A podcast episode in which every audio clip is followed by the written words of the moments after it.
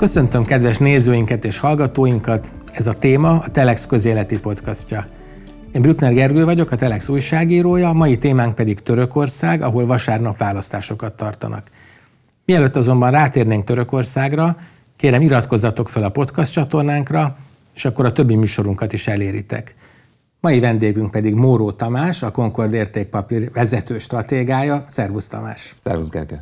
Köszönöm szépen, hogy eljöttél. Mondják két szót, mit csinál egy vezető stratéga, mi a te pozíciód? Megpróbáljuk a világban zajló gazdasági, politikai folyamatokat lefordítani a tőkepiac nyelvére, hogy a, a befektetőinknek tudjunk tanácsokat adni abban a tekintetben, hogy hol és milyen módon fektessék be a pénzüket, értve ez alatt a kötvények, részvények, devizák együttesét, és hogy ennek alapján lehetőség szerint minél jobb hozamot érjenek el, persze megfelelő kockázat mellett. És hát ebben a fókuszban gondolom Törökország is felmerült az elmúlt években, évtizedekben. Mielőtt azonban rátérnénk Törökország gazdasági helyzetére, illetve konkrétan erre a választásra, egy pár szót beszéljünk arról, hogy miért ennyire fontos Törökország, hogy néz ki geopolitikailag ez az ország, miért ennyire izgalmas ez a választás? Több szempontból is izgalmas. Görögország lokációja egyértelműen meghatározza, hogy ez egy fontos szereplő eh, ebben a térségben. Sőt, igazából az orosz-ukrán háborúval látjuk, hogy más eh, relációban is egyre fontosabbá vált a török politika, a török gazdaságpolitika. Eh, Törökország egyébként a NATO tagja, a NATO második legnagyobb hadseregét birtokolja az Egyesült Államok után, tehát egy nagyon jelentős katonai potenciállal is bír. 80, most már talán 86 millió ember lakik Törökországban, nem számítva persze az ott lévő majdnem 4 millió szír menekültet. Gazdasági szempontból egy 900 milliárd dollárnyi GDP-ről beszélünk, tehát mindenképpen egy meghatározott szereplő Törökország.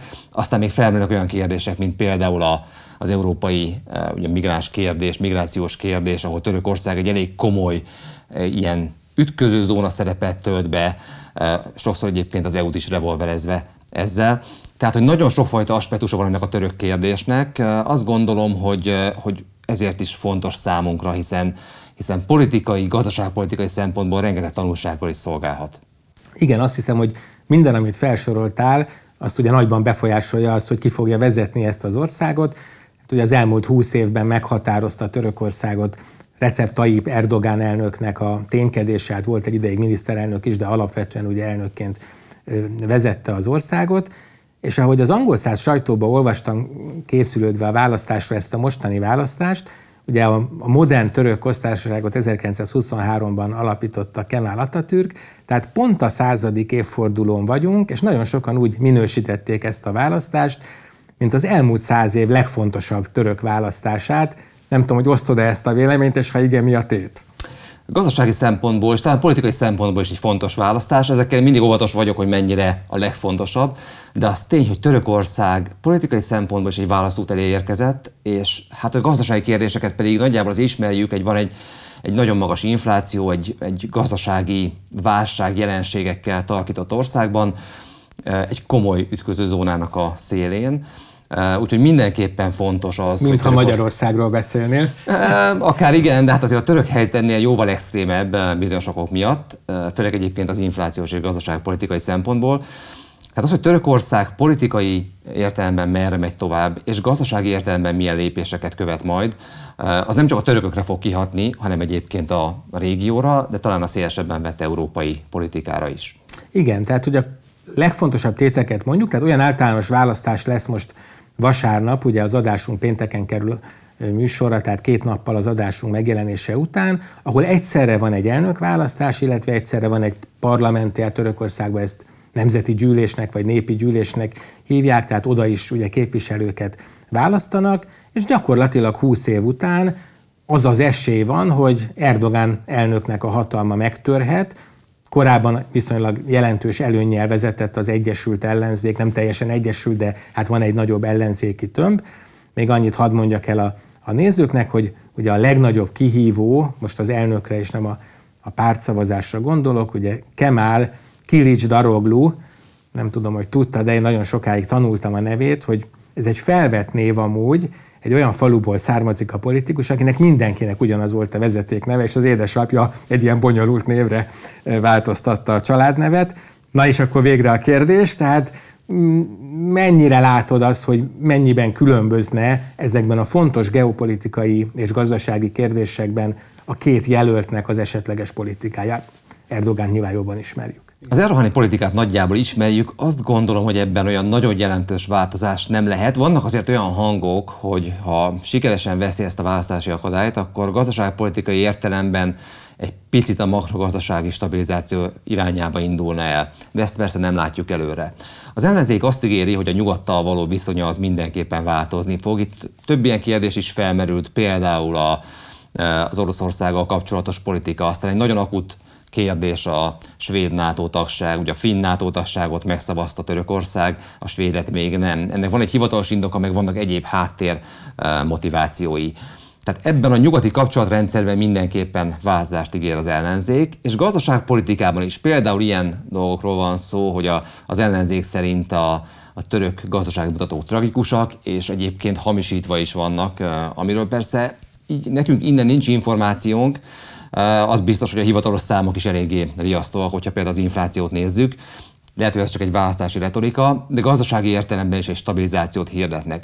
Nyilván ez nehéz, tehát politikai értelemben egy, egy inflációs stabilizálás az mindig áldozattal jár a lakosság részéről, tehát kérdés, hogy ehhez majd a politikai muníció meg lesz-e ennél a hatpárti koalíciónál, és persze ehhez még meg kell nyerniük a, mind az elnökválasztást, mind pedig a, a, a parlamenti választást. Egyébként nagyon fejfej mellett halad a két tábor. Az utóbbi napokban még egy picit javított is Erdogan, korábban az ellenzék közös jelöltje egy picivel jobban állt, tehát abszolút megjósolhatatlan, hogy mi lesz az eredmény. Nyilván, hogyha nincs egy markáns többség, akkor azért a politikai mandátum is ingatagabb, és hát lehet, hogy egy ilyen instabilabb kormányzás alakul majd ki Törökországban. Az biztos, hogy a gazdasági stabilizáció egy fontos kérdés lesz, mert a külföldi befektetők és általában a tőkeáramlás nagyon fontos Törökország számára. Van egy, egy nagyon jelentős fizetési mérleghiány, amelyet finanszírozni kell. Úgyhogy ez a kérdés azért az megkerülhetetlen. Igen, és egy olyan országról van szó, ahol ugye óhatatlanul egy nagy mínuszról indul a külkereskedelem, mert eddig nyersanyagokban szegényebb ország volt, bár most pont atomerőművet építenek, meg gázt találtak, tehát ez akár változhat, és ugye eddig nem annyira látszott az se, hogy mivel lehet ellensúlyozni ezt, hát nyilván volt, nem tudom, zöldségtermesztés, vagy az építőipar az egy, egy exportképes ágazat volt, de hát nagyon nehéz volt egyáltalán ezt a nagy hiányt kezelni, és amennyire olvastam, azt is hát kritikájának rótták fel az Erdogán rendszernek, hogy egy túlzottan gyors növekedést próbált, és hát ennek volt a folyamatos devizagyengülés és a nagyon magas infláció az átka, mintha egy picit már lejjebb jött volna az infláció, amennyire néztem, de nem tudom, hogy ez már egy jó trend kezdete, vagy csak egy statisztikai kozmetika. Hát mindenképpen volt javulás az egészen extrém, majdnem 100%-os hivatalos inflációhoz képest. A török helyzet tényleg nehéz volt, hiszen ellentétben a szomszédaival ez az ország nincsen jól ellátva erőforrásokkal, főleg energiahordozóval. Ezért aztán mindig eh, importra szorult ezekből. Persze Törökország nagyon sokat tudott profitálni a régiós kereskedelemből, tehát hogyha csak körbenézünk, ugye Irán, Irak, az egyéb öbölbeli országok egy komoly felvevő piaca voltak Törökországnak, részben még azok is. Persze az iraki meg a szíriai helyzet azért egy picit ezt árnyalta, és tulajdonképpen az egyik probléma, ami Törökországot sújtotta az Erdogán rendszer második időszakában, az pontosan ez.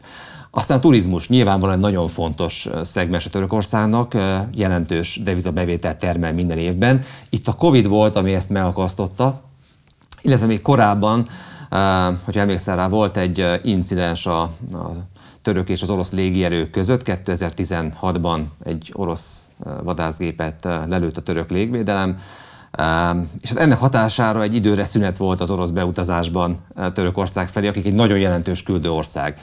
Szóval voltak ilyen apró bökkenők, a Covid nem is volt annyira apró, ezek mind-mind rontották a devizamérleget. Úgyhogy a törököknek eh, voltak ilyen külső problémáik. A belső probléma az mindenképpen az volt, hogy egy rendkívül erőltetett eh, belföldi növekedést alapvetően a belföldi monetáris politika élénkítésével, tehát a hitelkínálat bővítésével próbáltak eh, megvalósítani, miközben nem volt meg a deviza fedezete. Ugye a szakmában az eredendő bűnnek azt tartják, amikor devizahitelt veszek fel ahhoz, hogy a belföldi fogyasztás és a belföldi nem devizatermelő beruházásokat támogassa. Most Törökország tulajdonképpen folyamatosan ezt tette, az első időszakban még kevésbé, utána aztán egyre inkábban, és ennek volt az eredménye az, hogy a, a devizatartalékok jelentősen csökkentek így a két évtized végére, illetve hát a, az infláció, ahogy a befektetői bizalom elszállt, egyre inkább elindult felfelé. Kezelhető a probléma, de fájdalom nélkül valószínűleg nem fog menni. Igen, és ugye egy ilyen devizahelyzetben az is nehéz, hogyha már az ország lakosságának sincs bizalma a devizában annyira, mert az folyamatosan gyengül, ugye a dollárral szemben hát ilyen nagy mérföldkövek voltak, hogy 3 5 15 vagy 19-et kell a török lirából adni egy dollárért, akkor ugye hát ők sem török lirában tartják a megtakarításaikat, hanem akár a lakosság is leváltja, amennyire tudom, dollárra, vagy esetleg aranyra. Ugye gondolom ez is csak fokozza a problémát, mert ezzel megint egy eladói tömeg jelenik meg a, de, a saját devizapiacon. Igen, hát a, a török lakosság azért alapvetően már felfedezte azt, hogy a török lira nem egy stabil fizetőeszköz. Érdemes a számokról beszélni, akinek ez nincsen meg, gyakorlatilag eh, az Erdogán rendszer elejénél majdnem paritás volt a dollárhoz képest, tehát majdnem egy egybe váltották, 1,30 körül volt a lira árfolyama a dollárhoz képest. Most beszélünk arról, hogy 19 felett van az árfolyam. Egészen megdöbbentő gyengülésen ment keresztül a lira, de az első évtizedben nem volt igazából markáns gyengülés. Tehát akkor azért sikerült a rendszert valamennyire így stabilan tartani. Ezt követően indult be egy erőltetett hitelezési politika, miközben az említett külső problémák bejöttek a képbe, Ráadásul ezt 2011-től a szír polgárháború is tetézte. Ez egy fontos mozzanat, mert tulajdonképpen a török gazdasági sikersztorinak a, a törése egybecseng ezzel a, a szír polgárháborús időszakkal. Nem ez a fő oka, de ez is rásegített arra, hogy Törökország gazdasági lejtőre került. Hát elindult a deviza gyengülése, az infláció megdőtt, és a török lakosság egyébként kulturális okok miatt is az aranyat nagyon szereti, és amikor beszéltünk pár éve török elemzőkkel, mondták, hogy ha valaki Törökországban megkapja a fizetését, persze hát a rezsire félretesz meg az élelmiszerre, de egyébként megy és aranyat vásárol. Úgyhogy a török aranyimport nagyon jelentős. Például idén a a külkereskedelmi hiánynak a 40%-át tette ki az aranyimport. Mert hogy ez is rontja a külkereskedelmi mérleget. Így van, tehát hogy a török jegybank előállítja a lírát, ugye nyomtatja ilyen csúnya szóval a, a saját devizát, ez a lakossághoz kikerül, a lakosság pedig jelentős részben ebből aranyat vásárol, ami szintén nyomást gyakorol a, a líra árfolyamára. Tehát ez egy spirál, ami igazából, hogyha ha valaki ezt végig gondolja, ez egy bizalmi kérdés, hogy ha, ha bízom a devizában, elhiszem azt, hogy nem fog az, nem fogja az infláció rontani a pénzen vásárló értékét, akkor nem akarok ilyen mértékben aranyat tartani. Tehát nagyon fontos a befektetői pszichológia, és nem csak a nemzetközi szintű befektetői pszichológia, hanem a hazai lakosság véleménye is. Ha a hazai lakosság aranyat akar vásárolni, az továbbra is nyomás fog gyakorolni a lírára. Szóval ezt is helyre kell állítani igazából. Nem mondom, hogy megoldódna a török probléma, hogyha nem lenne aranyimport, de jelentősen kisebb lenne.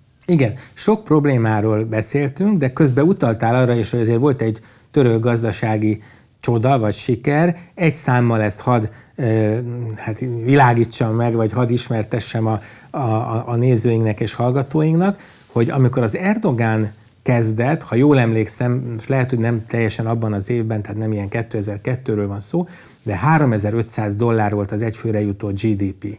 És egy pár éve néztem, hogy ennek a négyszerese. Tehát kb. 14 ezer dollár az egyfőre jutó GDP, és ugye ez nem lírában, tehát nem a, de ez tényleg egy, egy értéktartó devizában mutatja azt, hogy mennyivel gazdagodott még a nagyon sok gazdasági probléma ellenére is ez az ország. Úgyhogy ez mindenképpen volt egy ilyen pozitív faktor is.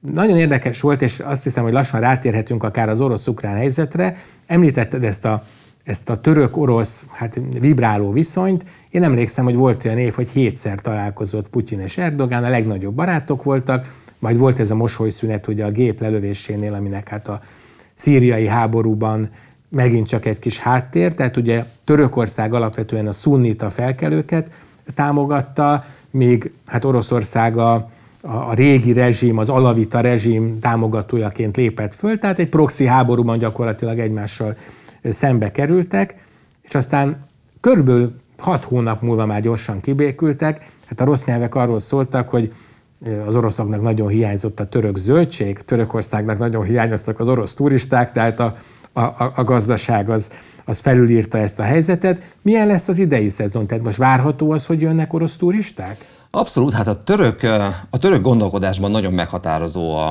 a, a gazdasági kényszer, vagy a gazdasági érdek hogyha például a Moszkvával való viszonyt nézzük. Törökország gyakorlatilag semmilyen Oroszországgal szembeni szankciót nem vezetett be és nem fogadott el, de eközben tudjuk a sztorit, hogy uh, már a háború elején drónokat szállítottak Ukrajnának. Gyakorlatilag egy, egy, nem is emlékszem arra, hogy lenne más ország, aki ezt a fajta kettős játékot uh, vinné ebben az orosz-ukrán háborúban. Talán még India. Talán még sok. India, de, de az, a török mindenképpen markánsabb, és akkor ott vannak még egyéb kérdések, például az ukrán gabona export megállapodás tavaly júliusban, amit uh, szintén a törökök Erdogan hozott össze. Szóval nagyon sok vetülete van ennek. A török gondolkodás a következő. Alapvetően nem támogatják az oroszok Ukrajna elleni háborúját, ugyanakkor nagyon komoly gazdasági érdekek fűződnek ahhoz, hogy Oroszországa jó kapcsolat legyen. Egy pár dolgot hagy mondjak. Hát a, az európai zöldséggyümölcs export drasztikusan lecsökkent Oroszország felé, a törökök ezt teljesen átvették. Ez egy nagyon fontos szegmens a török gazdaságnak. A turizmusról már beszélt, ez szintén megkerülhetetlen, kell ez a devizabevétel Törökországnak. A törökök elég sokat szenvedtek a, az Iránnal szembeni amerikai szankciók miatt. Az egyik bankjukat egyébként az amerikai pénzügyminisztérium szankcionálta is konkrétan. Mert hogy Iránnal boltolt. Így van. Úgyhogy ők nem támogatják alapvetően nem támogatják a gazdasági szankciókat. Aztán van egy nagyon érdekes új helyzet, ami persze régebben kezdődött, de mostanra érik be. Ez a, az első török atomerőmű projekt, ami egy nagyon nagy erőmű, 4800 megawattos névleges teljesítménnyel, ez Paksnak úgy nagyjából a két és félszerese. Ezt a Rosszatom építi, birtokolja és üzemelteti is, ez egy ilyen típusú szerződés, ehm, és ő adja el az áramot a török, a török államnak, vagy a török állami szerveknek. Ez, a, ez erőmű, ez gyakorlatilag már, az első blokkot éppen most májusban kapcsolják be, tehát tulajdonképpen ez egy olyan projekt, amelyet már végig kell vinni, végig is akarják vinni, hiszen az energiafüggőséget jelentősen csökkenti, még akkor is, hogyha tulajdonképpen ez egy orosz közreműködéssel készülő atomerőmű. Egy, egy óriási projektről van szó, ami, ami Törökország energiamérlegét azért fogja javítani, még akkor is, hogyha egyébként devizában kell majd fizetni a Rosszatomnak. Szóval nagyon sok szálon kötődik Törökország Oroszországhoz gazdaság. Kettőt hadd mondjak, nekem is eszembe jutott kettő, ahogy elkezdted sorolni. Ugye a, a repülési helyzet, tehát az, hogy az orosz-nyugati turizmusnak most Isztambul lett a, a legnagyobb Abszolút. hát ilyen átszálló állomása, úgy, hogy most Isztambul, Európa vagy Ázsia ugye jó kérdés, de mindenesetre a legforgalmasabb európai repülőtér az tavaly az isztambuli volt, részben emiatt a megnövekedett forgalom miatt, és miközben arról beszéltünk, hogy nyersanyagokban milyen szegény Törökország, nyersanyag szállításban, tehát ugye vezetékekben, akár gondoljunk a Magyarországra érkező gázra, ugye a török áramlaton keresztül, viszont rendkívül felértékelődött Törökország szerepe, és itt is nagyon erősek ugye a gázpromos kapcsolatok. Így van. Törökország gázt is importál Oroszországtól, nagyjából a, az éves gázfogyasztásnak a fele most orosz importból származik. Ez valószínűleg csökkenni fog egyébként, mert uh, volt egy jelentős gázmező találat uh, a földközi tengeren, amely szinten egyébként most tavasszal lép majd termelésbe, de ezzel együtt a, hát a csővez, ugye rá kell nézni a térképre, a csővezetékek azok Törökországon keresztül jönnek, akár hogyha valaki mondjuk kazah olajat vesz, akár hogyha orosz olajat vagy gázt vesz, Kurdisztánból, azerit, azerit Kurdisztánból. Irak, igen. igen tehát, Csejhán, ugye a nagy török kikötő, igen. mindenki odafut be. Igen, tehát Törökország hely, lokációja rendkívül kedvező ilyen szempontból. A törökök ebből szeretnének is profitálni, és nyilvánvalóan a, a gazdasági érdekek, azok meghatározzák a politikai, nem is semlegességnek nevezném, inkább ez a, a mindenkivel üzletelünk. a politika? Igen, mindenkivel üzletelünk, mindenkivel szeretnénk kapcsolatokat fenntartani és, és, és bővíteni míg a nyugati világ alapvetően Ukrajna mellett köteleződött el. Igen, és szerintem a törököknél ennek van hagyománya, rendkívül jó kereskedők, tehát aki szokott járni, vagy volt már Isztambulban, hát tényleg nekem mindig nagy élmény, hogy rendkívül barátságosak, magyar szavakat mondanak, és nem fagy le a mosoly akkor se, ha továbbmész, és tehát tényleg egy rendkívül pozitív légkört tudnak teremteni, és ami ennél makroszintű példa, az nekem az, amikor ugye Katar bolykottjánál, amikor Szaudarábia és még hét arab ország bolykottálta Katart, azonnal ugye elkezdtek Katarba rengeteg árut szállítani, miközben fenntartották a jó viszonyt, vagy a relatíve jó viszonyt Szaudarábiával is, ami hát talán egy kérdés is lenne ez, mert ugye ez egy rendkívül mozgó viszony, hogy az arab világban, a muszlim világban egyáltalán ki a vezér, a szekularizált Törökország, a szunnita Szaudarábia, a síta, ugye ez most nem arab, de Irán, tehát a perzsa állam, vagy a legnépesebb Indonézia, Nem tudom, hogy hogy látod ezt a bolygó viszonyt, vagy ezt a mozgó viszonyt, mert azért ebbe is például a Hasogji gyilkosságnál volt egy ugye ezt Törökországban gyilkolták meg azt a szaudi újságírót, a szaudi biztonsági erők, hát akkor megint volt egy mosolyszünet. Hogy áll ez most? Én szokták mondani, hogy a közel-keleten eh, nincsenek állandó barátságok, csak állandó érdekek, eh, és, és pont emiatt ez egy nagyon-nagyon érdekes helyzet, főleg az elmúlt egy évet nézve, eh, mert hogy úgy, úgy tekintünk és úgy ismerjük ezt a, ezt a régiót, mint ahol állandóan problémák vannak, polgárháborúk, ellentétek, itt volt a szaudi-katari hát embargó, blokád, blokád igen. igen, tehát hogyha valaki emlékszik rá, akkor a Qatar Airways mindig így megkerült a Szaudarábiát, nem igazán repülhetett az, át az ország felett. Pedig az egyetlen szárazföldi határ ugye Katarnak Szaudarábiával van, tehát ez egy ilyen komoly, mint a Nyugat-Berlin olyan jellegű igen. helyzet volt. És mégis az elmúlt egy évben radikális változás történt ebben az egész öbölmenti kapcsolatrendszerben, amelyben Törökország is tevékenyen részt vett egyébként nem is tudom, hogy honnan kezdjem. Az egyik ilyen érdekes kérdés volt a, a szaudi-katari kibékülés. Ebben a háttérében most nem érdemes belemenni, hogy miért alakult ki ez a konfliktus, de talán annyit érdemes elmondani, hogy, hogy az emirátusok és Szaudarábia volt a katari blokádnak a két vezér egyénisége, és aztán úgy döntöttek, hogy ezt nem annyira érdemes fenntartani. Megint csak a gazdasági érdekek miatt. Aztán a, a szaudi török viszony is jelentősen javult. Miközben, miközben egy igen komoly jelentét alakult ki a már említett Hasadzsi gyilkosság, gyilkosság Foci lévén már együtt mosolyogtak az uralkodók. Igen, igen és, és hogyha az ember megkérdezi, hogy milyennek a háttere, akkor van szó a gazdasági érdek. Gyakorlatilag, gyakorlatilag a szaudi vezetés 2019 nyarán körülbelül rájött arra, amikor az olaj létesítményeit megtámadták, és egy, egy rövid időre az, a szaudi olajexportnak a fele kiesett, hogy lehet, hogy az állandó konfliktus helyett jobb a, a béke, a, ami nem feltétlenül jelenti azt, hogy szeretem a szomszédaimat, de legalábbis kooperálok velük, üzletelek velük. És elindult ez a folyamat, amelynek részeként eh, kibékült egymásra Szaudarábia és Katar. Eh, nemrég jelentették be kínai közvetítéssel az iráni, szaudi, hát megbékélésnek talán nem nevezni, de mindenképpen elásták a csatabárdot, ha lehet ezt az analógiát használni. Tűzszünet, igen. igen. Ami azt is jelenti, hogy talán Szaudarábia felé nem fognak majd rakéták menni például Jemenből. Törökország is mindenkivel építi ki a jó viszonyt, és miközben a, a szaudi vezetés kifejezetten ugye azt adott támogatták, Törökország pedig a, a szír felkelőket. Mostan már ott tartunk, hogy gyakorlatilag Szaudarábia is, a szaudarábiai jegybank is 5 milliárd dolláros betétet helyezett el a török jegybankban, hogy kicsit emelje a devizatartalékokat. Ez a Katarnak nyújtott támogatás, amiről beszéltél, ez azt eredményezte, hogy Katar, amikor a, a török devizatartalékoknak a szintje nagyon leapadt, akkor 15, több lépcsőben 15 milliárd dollárnyi swapline-t, illetve hát egy ilyen betétet helyezett el a török jegybankban. Tehát az az érdekes, hogy a török devizatartaléknak a megtámasztásában nagyon jelentős szerepet vállaltak ezek az öbölmenti államok, egyébként még az emirátusok is uh, itt a képbe került gyakorlatilag majdnem 30 milliárd dollárt adtak, persze ez hitelés, nem végleges pénz, de ennyi pénzt adtak a, átmetileg a török jegybanknak, hogy a devizatartalékok megemelkedjenek. Szóval a gazdasági érdekek úgy tűnik, hogy egyértelműen a régiós stabilitás, a régiós kereskedelem bővítése mellett szólnak, és ilyen értelemben az is látszik, hogy ezek az öbölmenti monarchiák inkább azt szeretnék, hogyha az Erdogan rendszer az fennmaradna, ennek érdekében pedig anyagi áldozatokra is, vagy lépésekre is hajlandók. Nagyon érdekes, és van olyan nemzetközi erő, amelyik a változásban érdekel? Tehát azt, hogy mondjuk demokratikus oldalról a belföldi erők azért szívesen látnának a Erdogán hát nagyon jelentős túlkapásai, például ugye a pucs utáni tisztogatás, amikor a güldenisták, vagy pontosan nem tudom ki, fellázadt Erdogán ellen, ugye az egy nagyon véres, vagy nagyon sok embert érintő leszámolás volt, de van olyan külföldi erő, aki is mondjuk nyíltan Erdogán ellenes?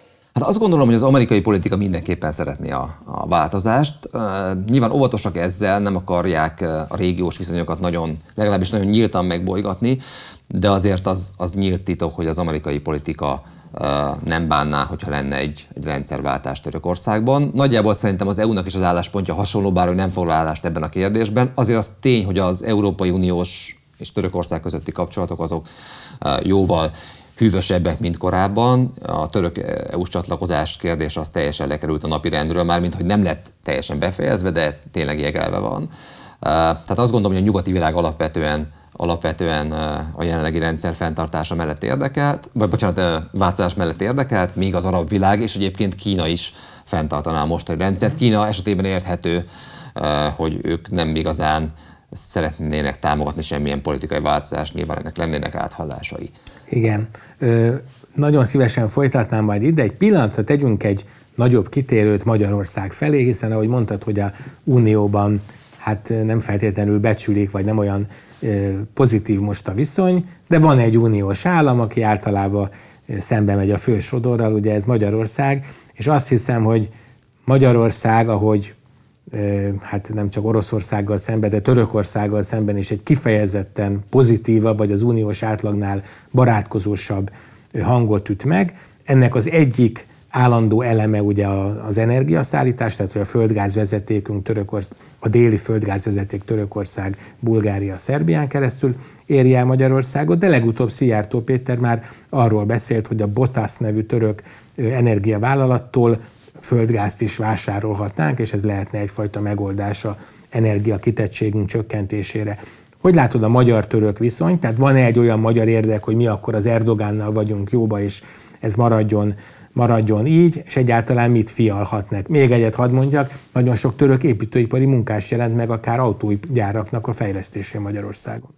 Igen, a török-magyar gazdasági kapcsolatok azok, azok meghatározóak ilyen szempontból, és az egész magyar keleti nyitás, meg külpolitikai kérdéskört tekintve az látszik, hogy mi alapvetően üzletelni szeretnénk mindenkivel. Ez, ez alatt érthetjük Kínát is, érthetjük Törökországot is, és azt látom, hogy a magyar politikának ez a fő fókusza.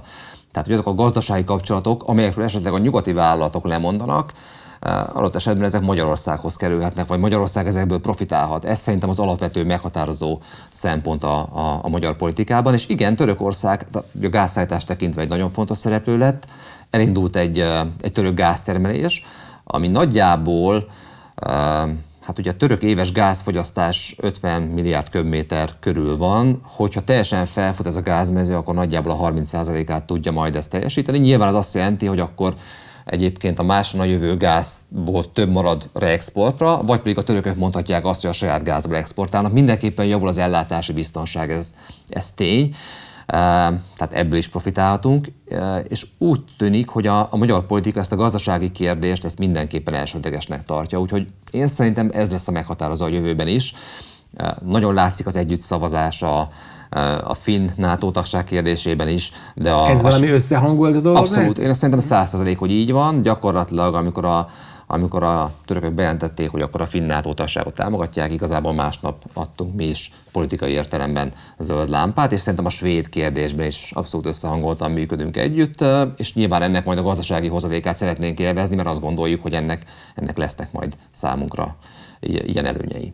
Igen két-három olyan nagyon fontos dolog van Törökországgal kapcsolatban, ami biztos, hogy szintén választási téma, de még nem érintettük. Ugye az egyik, ez a borzalmas földrengés, ahol közel 50 ezer török ember hunyt el.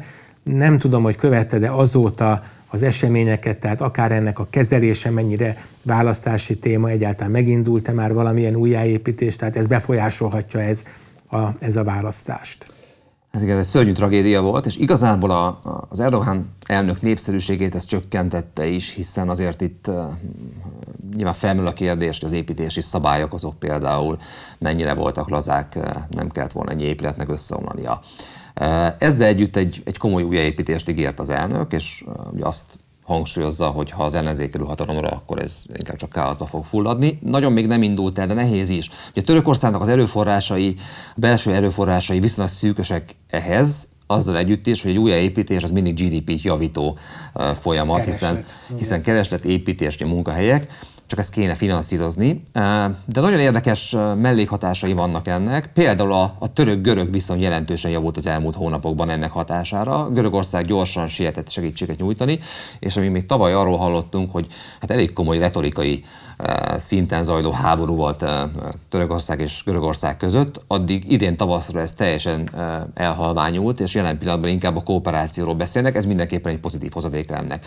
Belpolitikai értelemben egy nehéz helyzet, a gazdasági válságot rövid távon mindenképpen mélyítette, Nyilván itt olyan lépések jöttek be, hogy például az atomerőmű beindulásával majd olcsóban kapják az áramot a lakosság bizonyos szegmensei, a gáztermés beindulásával rezsicsökkentést ígért Erdogán a gázárat tekintve. Tehát, hogy ezek a lépések, ezek a lépések próbálják kompenzálni azt, hogy azért a gazdasági helyzet rövid távon elég problémás. Egy jelentős GDP visszaesést hozott ez, ami majd javulhat, de hát ehhez azért kellenének források.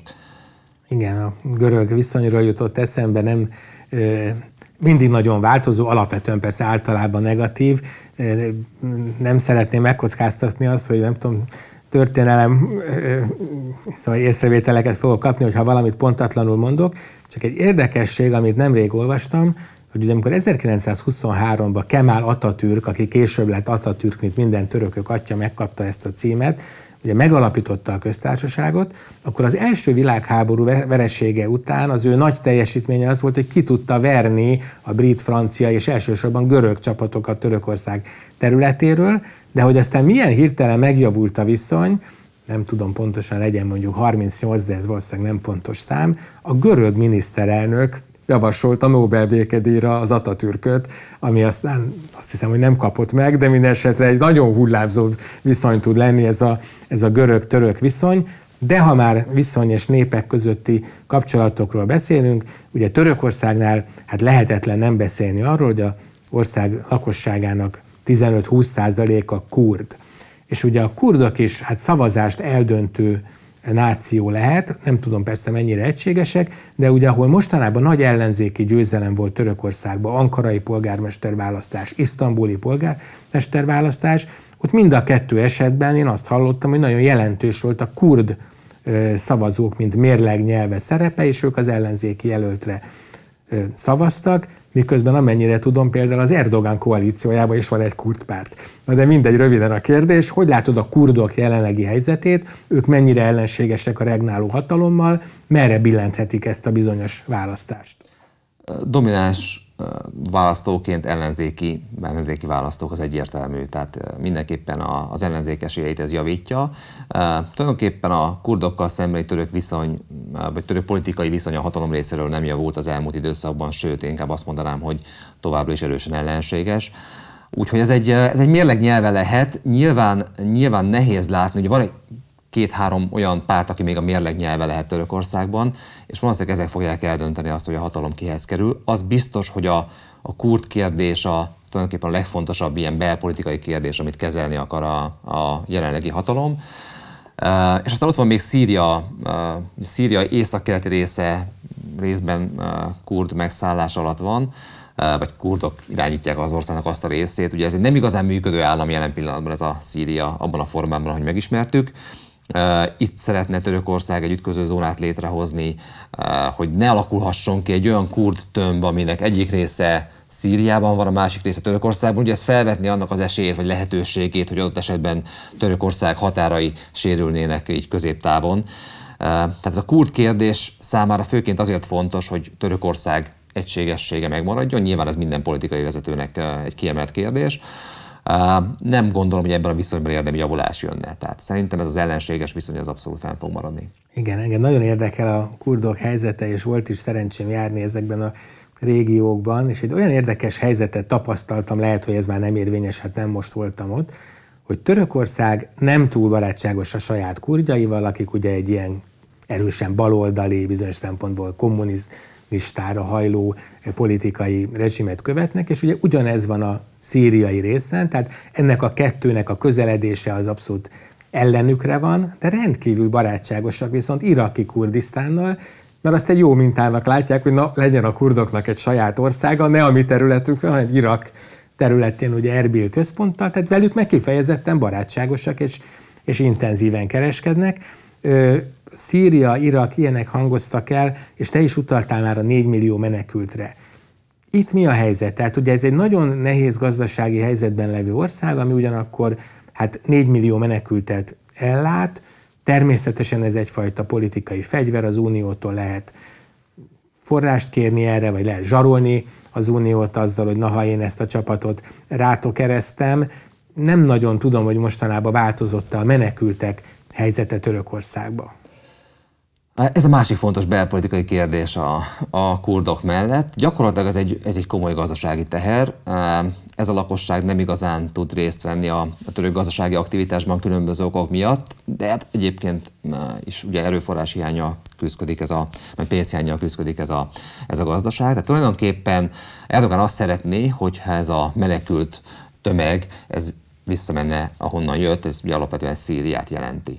Nyilván Assad nem akarja őket visszafogadni, számára ez a mostani helyzet tökéletesen megfelelő. Ezzel együtt volt némi közeledés a török és a szír vezetés között. A lényeg az, hogy ez azért a lakosság hangulatát negatívan befolyásolta. A klasszikus kérdés, itt vannak a menekültek, ellátjuk őket, tőlünk veszik el a pénzt. Ez teljesen logikus választói reakció.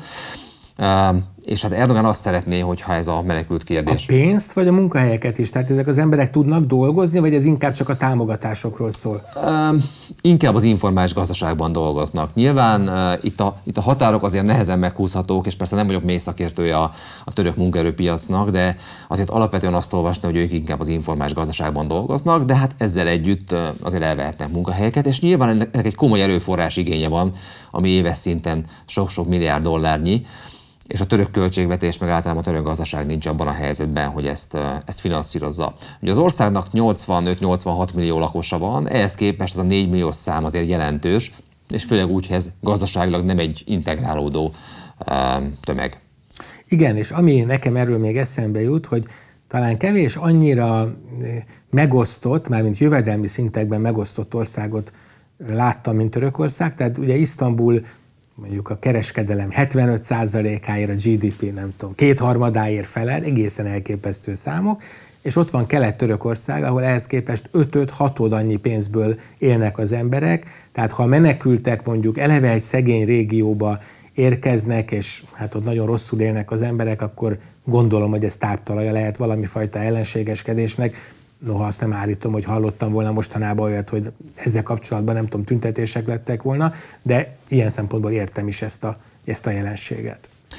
Igen, hát az egész helyzet egyébként azért érdekes az egész török helyzet, mert hogy egy, egy nagyon komoly gazdasági potenciálra rendelkező ország, tehát egy jó gazdasági menedzsmenttel rengeteget ki lehetne hozni ilyen szép szóval. Fiatal társadalom. Fiatal társadalom, növekvő népességre a törökök akarnak és szeretnek is dolgozni. Tehát, hogy megvan a hagyománya annak, hogy vállalkozzanak, fejlődjenek, az nagyon komoly teljesítményt vittek végbe a török építőipari cégek. Egyébként az öbölben is, is nagyon jelentős projekteket visznek. De a török feldolgozóipar az egy létező és valós dolog. Európába vámmentesen exportálhat Törökország. Tehát rengeteg olyan tényező van, amelyre Törökország tudna építeni.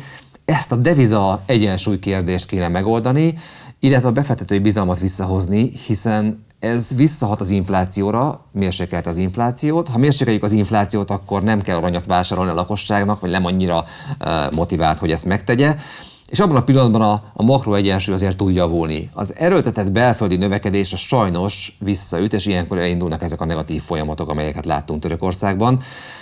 És nem könnyű a helyzet, de azért lehetnek kezelni. Tehát Törökország szerintem nem egy reménytelen ország, mondjuk befektetői szempontból, hogyha ez valakit érdekel, akkor azért, akkor azért ez egy olyan régió, amire figyelni kell már csak a mérete folytán is. úgyhogy, úgyhogy mindenképpen egy, egy, egy nagyon érdekes helyzet lesz a következő időszakban.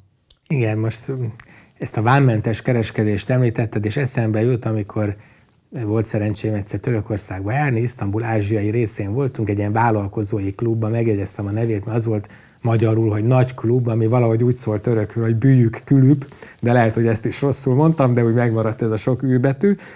És kifejezetten arról beszéltek a vállalkozók, hogy ők nagyon-nagyon szeretnének az unióba integrálódni, ez pár éve volt, de hogy valójában már egy olyan csalódás van a török társadalomban, hogy nem veszik komolyan az unió őket, nincs fogadó készség, tehát hogy egyre jobban csökken az egészhez a társadalomnak a, a reménye, és ilyen szempontból a pozitív elkötelezettsége is. Hogy látod, visszafordítható, vagy felgyorsítható még ez a közeledés, hiszen a NATO-nak ugye tagja Törökország, vagy ezt az uniót, ezt most jó időre el kell felejteni? Én azt gondolom, hogy az unió részéről sincsen már meg a teljes fogadó készség. Lennének országok, amelyek, amelyek ezt valószínűleg támogatnák, de, de például Franciaország nyíltan kimondta, hogy ő nem támogatná egy török csatlakozást, és a törökök ezt tényleg nem is erőltetik, és én azt gondolom, hogy ebben az ellenzék győzelme esetén sem lenne változás. A török társadalom egy picit megváltozott ebben a kérdésben, nem annyira támogatja az uniós tagságot, megvan a már említett csalódottság, Egy picikét a geopolitikai játéktér is úgy átalakult, és látják azt, hogy másokkal is lehet üzletelni, kereskedni. Ezzel együtt az Európai Uniós viszonyban lenne javulás akkor, hogyha az ellenzék győzne, de azt nem gondolom, hogy érdemben újra a tagságról folynának a tárgyalások. Persze nem látunk a politikai kártyákba, tehát még ez is bekövetkezhetne. Szerintem inkább egy ilyen enyhe javulás lenne várható. Az biztos, hogy Törökország gazdaságilag most is integrálódott valamennyire az Európai Unió irányába, de ugyanakkor fenntartja az Oroszországgal létesített kapcsolatokat, sőt, ezek intenzívebbé és váltak az elmúlt időszakban. Ami különösen pikáns NATO tagként. Pikáns NATO tagként, meg egyébként az EU-nak is az a célja, hogy Oroszországgal a kereskedelmi forgalom az ne bővüljön, hanem inkább szűküljön, azért tényleg a különböző szankciós csomagok, meg a különböző lépések ezt, ezt célozzák. A törökök ezt az űrt kitöltik, tehát egy igazi kereskedő nép, ami ebből abszolút tud profitálni. És azt gondolom, és ezt a kérdést egyébként még az ellenzék sem akarja bolygatni, én úgy látom. Tehát ők is szeretnék fenntartani ezt az Oroszországgal folytatott kereskedelmet. Úgyhogy óvatosak ebben a kérdésben. Az biztos, hogy a politikai retorika az EU-val és a nyugattal szemben, ugye még Amerikát azért nem lehet megkerülni, tehát ez, ez javulna. A gazdasági kérdésekben kevésbé vagyok biztos, hogy ezek változnának. Hm. Minden esetre, hogyha Törökország nem is tud belépni a EU-ba egyhamar, nagyon sok török már belépett. Beszéltünk ugye arról, hogy mennyi kurd, meg menekült van Törökország területén, viszont nagyon sok török van az EU területén, azt hiszem csak Németországban talán két millió ember, aki Törökországból érkezett. Ez valahogy tetten érhető? Tehát az ottaniak tudnak valamiképpen segíteni, vagy most nyilván pénzt tudnak hazautalni az otthon maradt családtagoknak, de hogy valamennyire nem tudom mondjuk a német-török gazdasági kapcsolatokat ott élő törökök, tehát valami fajta ilyen híd szerepet lehet érezni a gazdaságban? Hát a deviza mérleg fenntartásában, vagy egyensúly fenntartásában mindenképpen segít ez a, a török vendégmunkások, vagy Németországban élő törökök által hazautalt pénz. Uh, nagyon fontos a török szavazó a, a török politikusnak, hogyha külföldön él akkor is, és ilyen értelemben Németországban is, hát nem fizikailag, de egyébként kampányolnak a politikusok, próbálván ezeket a választókat megnyerni maguknak. Az biztos, hogy ez egy komoly hídszerep, igen, és ezek a kapcsolatok kiépültek az elmúlt két-három évtizedben, vagy intenzívebbé váltak. Úgyhogy szerintem Törökország nem akarja, sőt egyáltalán nem, nem az a célja, hogy az EU-s kapcsolatai leépüljenek. Gazdasági értelemben mindenképpen szeretné fenntartani ezt, a, ezt az egyébként gyümölcsöző kapcsolatrendszert. Nyilván a politika egy más kérdés. A, a török diaszpóra az, az, az meghatározó, és, és ugye ez egy az átlagnál mondjuk informáltabb, mindenképpen gazdagabb réteg, választási szempontból is viszonylag aktív, tehát őket azért, azért szeretné mindenki megnyerni. Mhm. Egy érdekesség, és erről nem is kérdeznélek, mert nem akarok nagyon elkalandozni arra. Bulgáriában egyébként hagyományosan a török párt, ez nyilván a Bulgáriában élő törökök pártja a mérleg nyelve, ott is nem tudom, 10%-ot jelent, és a baloldali meg a jobboldali tömböt hát gyakran győzelemre viszi ennek függvényében rendkívül korrupt is ez a párt, mert mindenki ugye mindenfélét kínál nekik, hogy éppen abban, a, abban az időszakban hova állnak.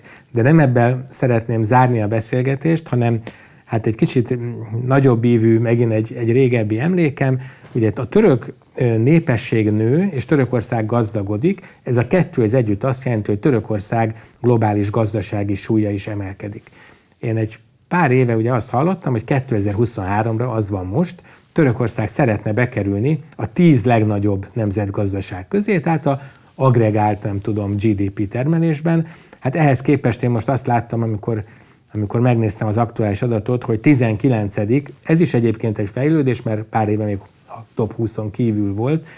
Hogy látod ezt tehát, és meg talán kanyarodjunk is vissza a választásra, tehát egy nyugodtabb, egy már nem földrengéstől, háborútól, menekültválságtól terhelt időszakban ezek a török előnyök nyersanyagot találtak, a népesség, amiről beszéltünk, az építőipari súly. Tehát továbbra is azt várhatjuk, hogy ez egy egyre erősebb nemzetgazdaság lesz? Hát az elmúlt 8-10 év azért alapvetően egy szenvedésről szólt, és az egyfőjutó GDP egyébként jelentősen csökkent. A már említett 13-14 ezer dollárról most inkább ilyen hát ilyen 10-11 ezer dollár környékén vagyunk. Attól függ, hogy milyen árfolyammal számoljuk meg, hogy éppen milyen GDP-vel. Uh, tehát nem igen, egy... minden lira gyengülés az a dollárban kimutatott Igen, reál értelemben, lírában, minden értelemben, vagy a legtöbb évben pozitív növekedést produkáltak, de hát a dollár árfolyam is fontos. Szóval, hogy a török, ezek a török előnyök ezek megvannak, szerintem egy, a legfontosabb kérdés egy devizapiaci stabilizáció lenne, hogyha a külföldi tőkeáramlás ismét beindul, hogyha a fizetési mérleg hiányt sikerül kezelni, ennek persze vannak növekedési áldozatai, akkor, akkor el tud indulni egy, egy stabilabb, egy fenntarthatóbb növekedés. Ugye politikusi szempontból ez mindig egy nehéz kérdés, mert mindenki azt szeretné, hogy legyen 5-6-7-8 százalékos növekedés. Az Erdogán korszak első felében voltak ilyen növekedési számok, de egyébként egyensúlytalansággal járt ez együtt akkor is. Hogyha elfogadna valaki politikusként egy olyan szintet, hogy mondjuk csak 4-5 százalékkal nőjön a gazdaság, ami egyébként egy évente majdnem 1 százalékkal növekvő népesség mellett azért nem irreális, akkor ez egy fenntartató pálya lenne. Hát nyilvánvalóan ez rövid távon nem annyira vonzó, de ugyanakkor hosszú távon meg megint csak egy fenntartatóbb dolog. Szóval Törökország, ha stabilizálni tudja a deviza mérlegét, és tényleg ezt sokszor beszélek, de nagyon fontos kérdés, mert ez, ez, a, ez az alfája meg az omegája egy külföldi befektető gondolkodásának. Uh, hogyha attól kell félnem, hogy leértékelődik a líra, akkor nem nagyon megyek oda szívesen, vagy nem annyira megyek oda. Ha stabil az árfolyam, akkor sokkal jobban szeretem. Uh, akkor ezekre az előnyökre építve Törökország tudna egy stabilabb növekedési pályát uh, vinni. Úgyhogy nem, nem, nem reménytelen a török helyzet, bár nem is könnyű. És hát ugye van még egy érdekes kérdés, hogy azért a, a török gazdaságpolitikában eléggé érdekes lépések történtek az elmúlt mondjuk egy bő évben kezdve a jegybankelnök kirúgásától egy ilyen kényszerített kamatcsökkentés, 24% ról gyakorlatilag 8,5 ra vágatta le az alapkamatot a török elnök. Tehát ugye, mindig halljuk azt, hogy a, a magas kamat az oka a magas inflációnak, ez teljesen szembe megy az általános közgazdasági gondolkodással. Nyilván a befektetők nem szerették, és elindult kifelé a pénz. Szóval, hogy ezt a fajta unortodox közgazdasági gondolkodás kéne megváltoztatni ahhoz, hogy Törökország mondjuk a befektetői szemekben ismét vonzóvá váljon, és akkor be tudna indulni egy pozitív spirál. Még ezt nem látjuk, de azért ki sem zárnám teljesen. Tehát kívülről nagyon sokszor úgy tűnt, hogy Törökország, mintha bemutatná, hogyan legyünk önsorsrontóak a gazdaságpolitikában, tankönyv első fejezetét, tehát valóban a spekulánsok okolása, a jegybankelnök, hát nem tudom, kipécézése, ezek mind olyan hát tényezők voltak, mintha Erdogán nem a valós folyamatokkal foglalkozna, hanem bűnbakokat keresne, de úgy, hogy azzal további károkat okoz a befektetők elriasztásával. Nagyjából már válaszoltál is a záró kérdésemmel, mert ugye azzal kezdtük, hogy a, a Concordnak vagy a vezető stratégája, elmondtad általánosan a befektetőknek a gondolkodását, Jól értem azt, hogy akkor akár a török részvénypiac, akár a török kötvénypiac az most nincs annyira napi gondolkodásotokba benne? Vagy azért találtok olyat, amiben lehet befektetni? Hát mindenképpen néz az ember ezt, hogy a török részvények rendkívül olcsóak ilyen hagyományos árazási elvek szerint. Az árfolyam per nyereség mutató az nagyjából ilyen négyes alatti. Persze az effektív kamatszint magas egyébként, hogy a hivatalos alapkamat 8,5 a a valós bankközi kamatláb az inkább ilyen 40% feletti. Tehát ez azt jelenti, hogy eléggé hát negatív a, török eszközök megítélése. A török részvényekkel tulajdonképpen az elmúlt két évtizedben devizával mérve nem lehetett keresni, még egyébként a GDP dollárban mérve jelentősen megemelkedett. Tehát itt van egy árazási rés, ha úgy tetszik. Azt gondolom, hogy egy, egy stabilabb gazdaságpolitika mellett itt lenne egy jelentős felértékelési potenciál. Jelen pillanatban a külföldi befektetők, a meghatározó gondolkodás az nem nagyon, nem nagyon tartja fókuszban Törökországot. Hogyha Erdogan nyeri a, a választásokat, és marad tovább hatalmon, akkor az lehet, hogy okoz egy, egy ijedelmet, ilyen értelemben további eszközár volatilitást hozva. Ez együtt Törökország nem fog menni a levesbe, tehát azt gondolom, hogy a gazdasági problémákkal együtt is egy, egy, egy fennmaradó és alapvetően egy komoly régiós központ marad. Egy ellenzéki győzelem esetén valószínűleg lenne egy rövid távú optimizmus, aztán majd kiderülne, hogy mennyire valós ez a fajta pozitív attitűd. Az biztos, hogy a, a volatilitás, ez a szép szakszóval nagy lesz a török piacon. Ugye a török részvényindexben devizában nézve az ilyen napi szintű 5-10-15 százalékos mozgások sem ritkák. Tehát aki ezt bírja idegekkel, annak azért szerintem érdemes feltenni a radarra. Ez most nem igazi javaslat, de hogyha ha a választások után egy, egy masszív részvénypiaci esés következne be, akkor azért azt lehet, hogy érdemes majd vétele kihasználni. Nem tartunk még itt, egyelőre várjuk meg, hogy mi lesz az eredmény, ráadásul ez egy két fordulós választás, ugye a második forduló az május 28-án lesz, abban az esetben, hogyha nincsen többsége egyik jelöltnek sem, ami eléggé valószínű ebben a helyzetben. Úgyhogy ez tulajdonképpen a május végéig, június elejéig terjedő időszak, ami nagyon izgalmas. Én az azt gondolom, hogy, hogy érdemes Törökországra figyelni. Hát abszolút egyetértek veled, és még azt se tartom kizártnak, hogy az elnök választás az, az eldől, mert ugye azt néztem, hogy az a, összesen négy jelölt van, és a másik két jelölt egy szélső jobboldali, meg egy, hát egy ilyen korábbi ellenzéki pártból kiváló vezető, jóval alacsonyabbra mérik, tehát ez a ma még 43-44 százalékra mért két elő lehet, hogy akár át is csúszik az 50 százalékon, de természetesen lehet, hogy a most vasárnapi választás az még hát nem hoz valódi döntést. Tamás, nagyon szépen köszönöm, hogy, hogy itt voltál velünk. Vasárnap izgulunk, hogy akkor marad Erdogán, vagy meg kell tanulnunk Kilics Daroglu úr nevét. Remélem, hogy jössz majd máskor is. Köszönöm szépen. Nézőinknek és hallgatóinknak pedig köszönöm szépen a figyelmet. Amennyiben szeretnék követni podcastjainkat, kérem iratkozzanak fel a csatornánkra. A hétvégén pedig figyeljék a Telexet, hiszen Törökországban több helyszíni tudósítónk is van. Aki pedig teheti, támogassa a Telexet, ennek mikéntje a videó leírásában megtalálható. Egy hét múlva találkozunk.